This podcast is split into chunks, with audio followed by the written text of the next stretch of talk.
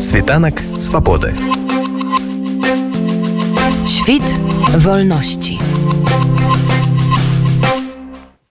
Панядзелак у варшаве адбылася ўрашыстая цырымонія з нагоды 160 гадавіны пачатку студзеньскага паўстання 1863 года. У беларускай гістарыяграфіі гэта паўстанне кастуся каліновскага. У цырымоніі брала ўдзел і дэлегацыя беларускіх дэмакратычных сіл наша леса святланы ціханаўскай якая ў польскую сталіцу прыбыла з афіцыйным візітам. Усе падрабязнасці гэтага мерапрыемства у ивана савановича Цырымонія ўшанавання памяці герою студзеньскага паўстання праходзіла каля мемарыяла брама казня ў варшаўскай цытадэлі. У цырымоніі прыняла ўдзел дэлегацыя ад літвы на чале з прэзідэнтам гітанасам наўседам, дэлегацыя ад дэмакратычных сіл Беларусі на чале са святланай ціхановскай і украінская дэлегацыя на чале з амбасадарам гэтай краіны ў Польшчы Васілём зварычам. Каля мемарыяла дэлегацыю святланы ціхановскай сустракалі прадстаўнікі беларускай дыяспары з нацыянальнай сімволі сімволікай. Некалькі дзясяткаў беларусаў сабраліся, каб прыняць удзел у цырымоніі і ўшанаваць памяць суайчыннікаў, якія бралі ўдзел у паўстанні. Аднак з-за некаторых праблем з арганізацыяй не ўсім сабраўшымся ўдалося патрапіць непасрэдна да мемарыяла. Мы пацікавіліся, што беларусы думаюць пра гэта. Некаторыя аказаліся вельмі расчараванай арганізацыяй, а вось для іншых гэта не стала перашкодай, бо галоўнай мэтай было ўшанаваць памяць нашых герояў. Пакуль оно складывается вельмі дрэнна тому что белорусов не пускают наверх только по специальным приглашениям это наверное не есть правильно я ходил на все ее встречи ходил на все митинги и там чувствовался воздух свободы здесь чувствуется какой-то политический бомонд в стиле лукашенковских собраний приглашенные пионеры и і партійныя бонзы Якім могуць быць уражся сённяшняй сустрэчы калі на мы не попалі даўшчына все-таки 160 год. Глядзім на моніторы э, довольно таки ўсё прыгожа хацелось як неяк эту дату адзначыць прэзідэнты прыехалі тот же Анджей дуда і гінтрасняўседа і Святлана тихохановская ну відаць не судьба. Абяцалі што яны будуць спускацца по этому сходу.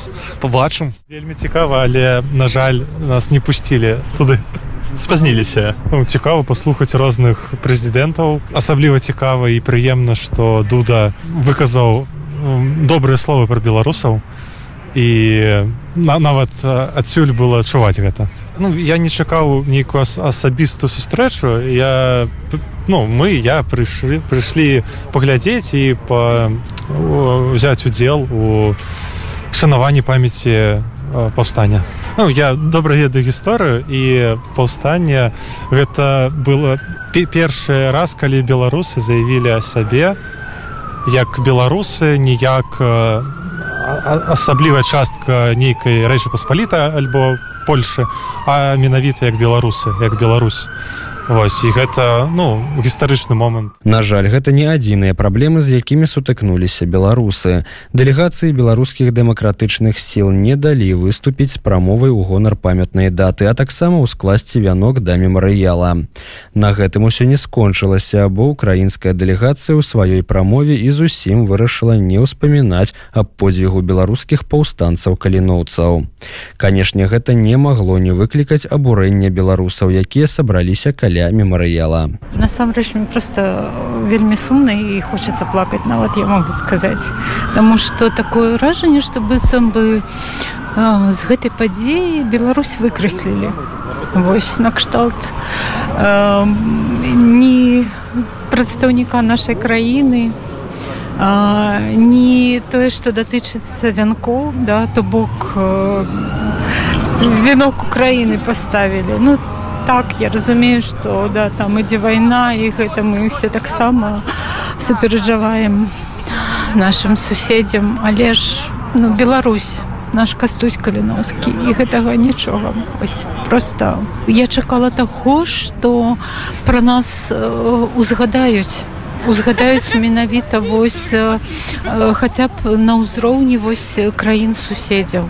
Тым больш што як бы і Польша і літва да што яны ну больш за ўсё нам дапамагаюць у тым становішчы у якім апынулася наш наш народ той які за дэмакраты той які за свабоду пасля заканчэння цырымоніі прадстаўнік аб'яднанага пераходнага кабінета беларусі па пытаннях культурнага адраджэння аліна коўшык пракаментавала прысутным беларусам і сМ сітуацыю якая склалася падчас цырымоніі. Гэта пытанне да польскага пратаколу. Так, так. беларусы былі пра польскі прэзідэнт узгадваў Беларусь а тое што не ўзгадалі некаторыя удзельнікі цырымоніі ну гэта быў іх палітычны выбар.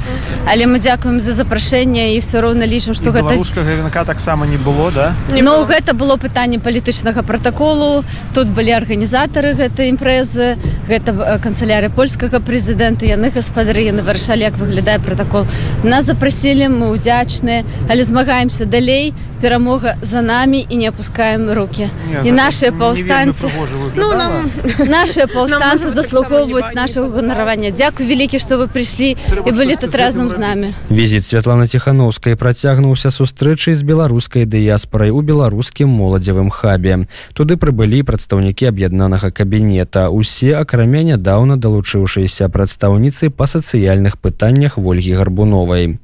Прадстаўнікі кабінета і святлана ціхановская адказалі на пытанні якія хвалявалі беларусаў а таксама паразмаўлялі ў нефармальнай абстаноўцы. Адным з галоўных пытанняў датычна далейшай дзейнасці дэмакратычных сіл. Вядома стала пытанне працягу дзейнасці самога кабінета. Як вядома, першапачаткова тэрмін дзейнасці прадстаўнікоў кабінета абмяжоўваўся шасцю месяцамі і хутка мусіць скончыцца.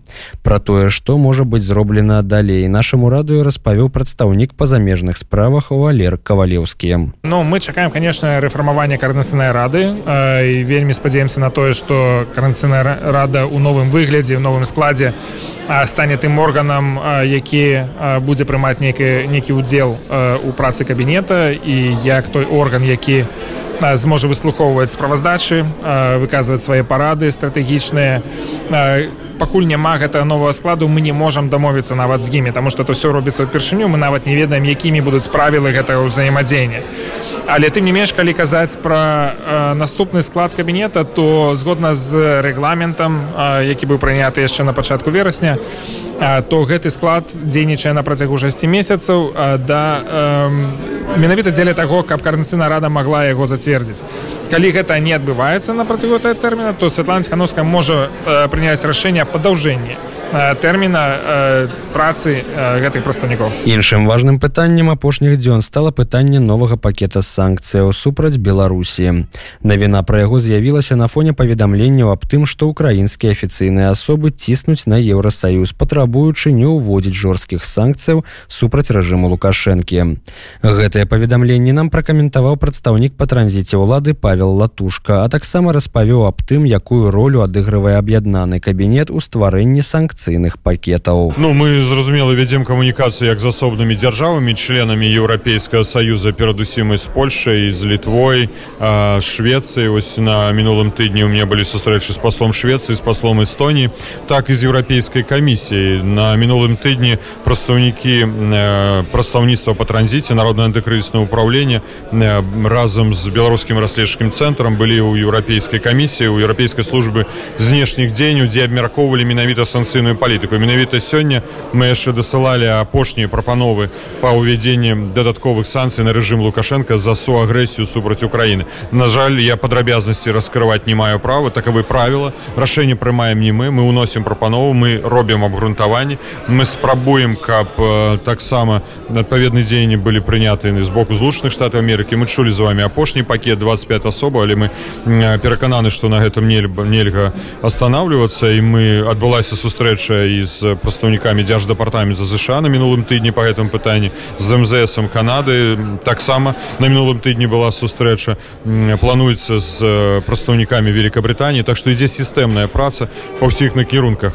Паглядзім. Я лічу что зразумела еўрапейская камісія мае абсалютную самастойнасць прыняць адпаведны пакет санкцыі як адказнасць рэжыму лукашэнкі за агрэсію супраць Украіны так і украінскому боку. Мы перадалі наши прапановы. Ну тое что я магу агучыць гэта 24 суддзі якія каралі не прававымі прысудамі беларускіх грамадзян якія змагаліся супраць расійскіх войскаў выступалі супраць агрэсіі выходзілі на акцыі пратэста і зараз знаходзіцца ў турмах рэжыма лукашэнкі. І я думаю что і украіна мае такую магчымасць прыняць адпаведнае самастойнае рашэнне. Я думаю что трэба заходзіць з палітыкі фактаў. І калі урсулі вандерлайн апошні раз выступаючы на сустрэчы сумеснай з шарлем мішелем і з дзяж сакратаром на нато столтенбергом э, даволі адназначна сказала что мы будем прыцягваць да адказнасці